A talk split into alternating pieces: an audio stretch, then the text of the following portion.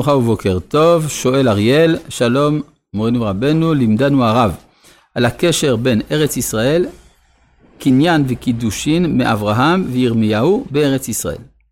האם ניתן לראות את תנאי בני גד וראובן כחלק ממהלך זה? אולי גם ללמוד שהנישואים תלויים בחיבור לאומה? תודה ושנה טובה לרב ולצוות. תשובה, אולי.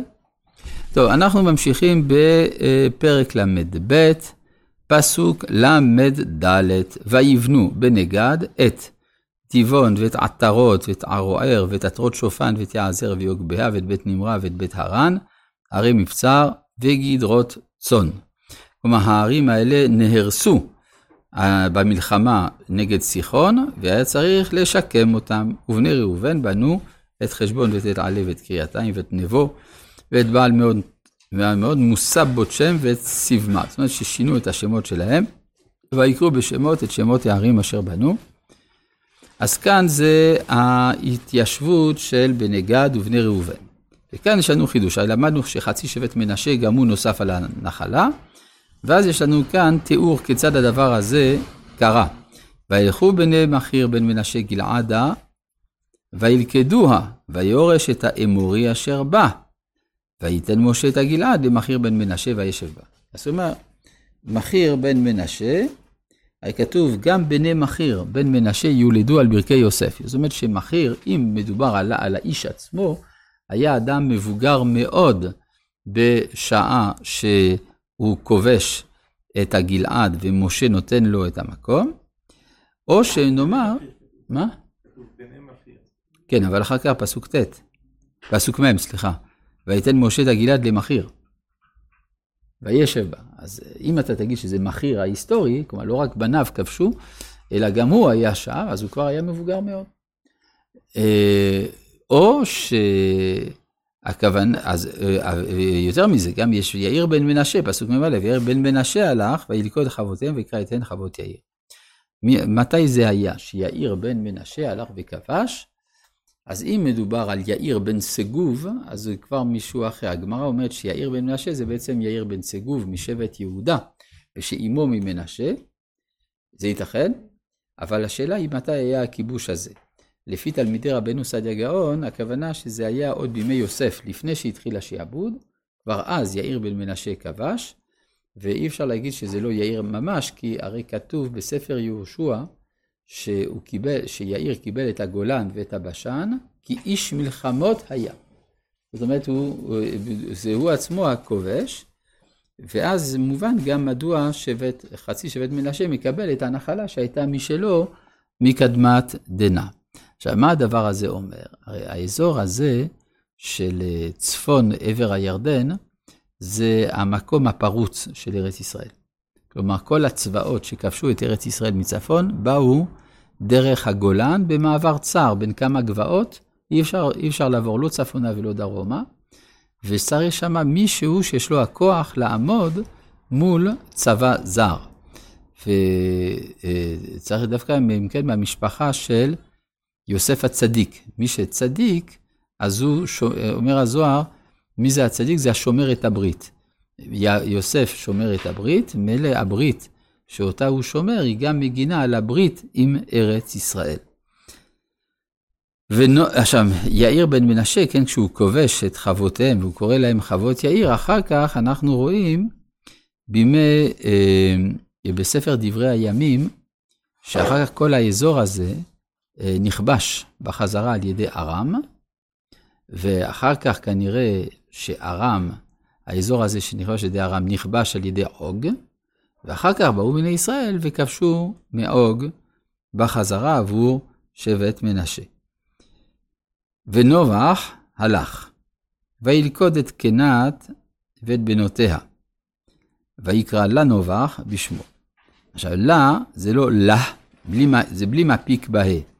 ויקרא לה, וגם עם, אה, עם מרחק כפולה, הגאון מווילנה אומר, אז חז"ל אמרו לה מלשון לא.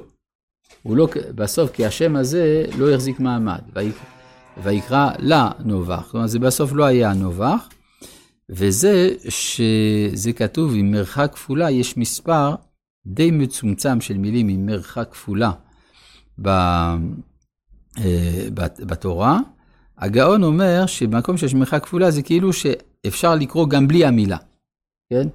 אה, אה, למשל, אש זרה, אשר לא ציווה השם, אז אשר לא ציווה אותם, אז שם מתחת למילה לא גם כן יש מרחק כפולה, כאילו שיש גם צד לומר שכן ציווה אותם. אז ויקרא לה נובח, זה, זה גם קרא לה וגם לא קרא לה. נובח בשמו. אה, עכשיו, כל זה היה החלק הראשון של הגמילה מן המדבר. בכלל, כל הפרשיות, שתי הפרשיות של מטות ומסעה, הרב ציודה קוק היה רגיל לומר, זה הפסוקים של הגמילה מן המדבר. וכאן יש לנו, אם כן, צורך בסיכום כללי של כל התקופה ברשימת המקומות. אלה מסעי בני ישראל, פרק ל"ג. שואל הרמב"ם, למה צריך לפרט את המקומות האלה? מה אכפת לנו, לנו השמות, חשמונה, תחת, תרח, כל המקומות האלה, מה עניינם? אומר הרמב"ם, זה מחזק את האמינות ההיסטורית של הסיפור. כי אומרים לך, בני ישראל היו 40 שנה במדבר. איפה הם היו? אם אני לך רשימה, אמנם זה לא הוכחה מוחלטת, אבל זה מחזק את תחושת האמינות ההיסטורית של הסיפור, ולכן התורה סיפרה זאת. אבל אנחנו גם מרגישים שיש פה דברים נוספים שמתבקשים כרמזים או כסודות של התורה, ואנחנו בעזרת השם גם נעסוק בחשיפתם. אלה מסעי בני ישראל, אשר יצאו מארץ מצרים לצבאותם ביד משה ואהרון. אפשר אולי לומר על דרך זה מה שאמרו חכמים, אלה פסל את הראשונים ואלה מוסיף על הראשונים, זאת אומרת, אלה מעשה בני ישראל, אלה ולא אחרים. מה זה האחרים? היה צריך להיות מסעות אחרות. היה צריך שמיד 11 יום מחורב דרך הר סיר עד קדש ברנע, אלמלא חטא המרגלים. אבל זה למעשה נפסל, לכן אלה ולא אחרים מעשי בני ישראל. אשר יצאו מארץ מצרים לצבאותם ביד משה ואהרון, ויכתוב משה את מוצאיהם למעשיהם על פי השם, ולמעשיהם למוצאיהם. אז אה, לכאורה, לאן אתה נוסע? אם יש מוצא, זה נקודת ההתחלה. למסעיהם, אתה נוסע כדי להגיע לאיזשהו מקום. ולאן אתה רוצה לנסוע? ולמסעיהם, למוצאיהם, הם חוזרים כאילו על נקודת ההתחלה.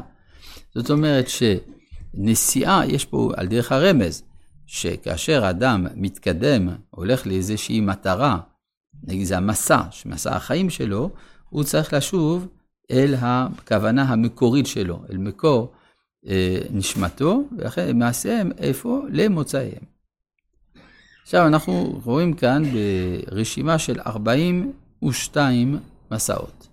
42 מסעות, ידוע, יש שם של 42 אותיות שעל ידו נברא העולם, מוזכר בגמרא.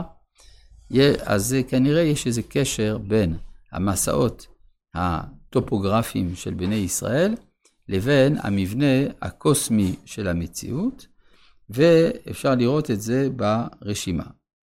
וייסעו מרעמסס בחודש הראשון, בחמישה עשר יום, לחודש הראשון, מאחורת הפסח, יצאו בני ישראל ביד רמה לעיני כל מצרים.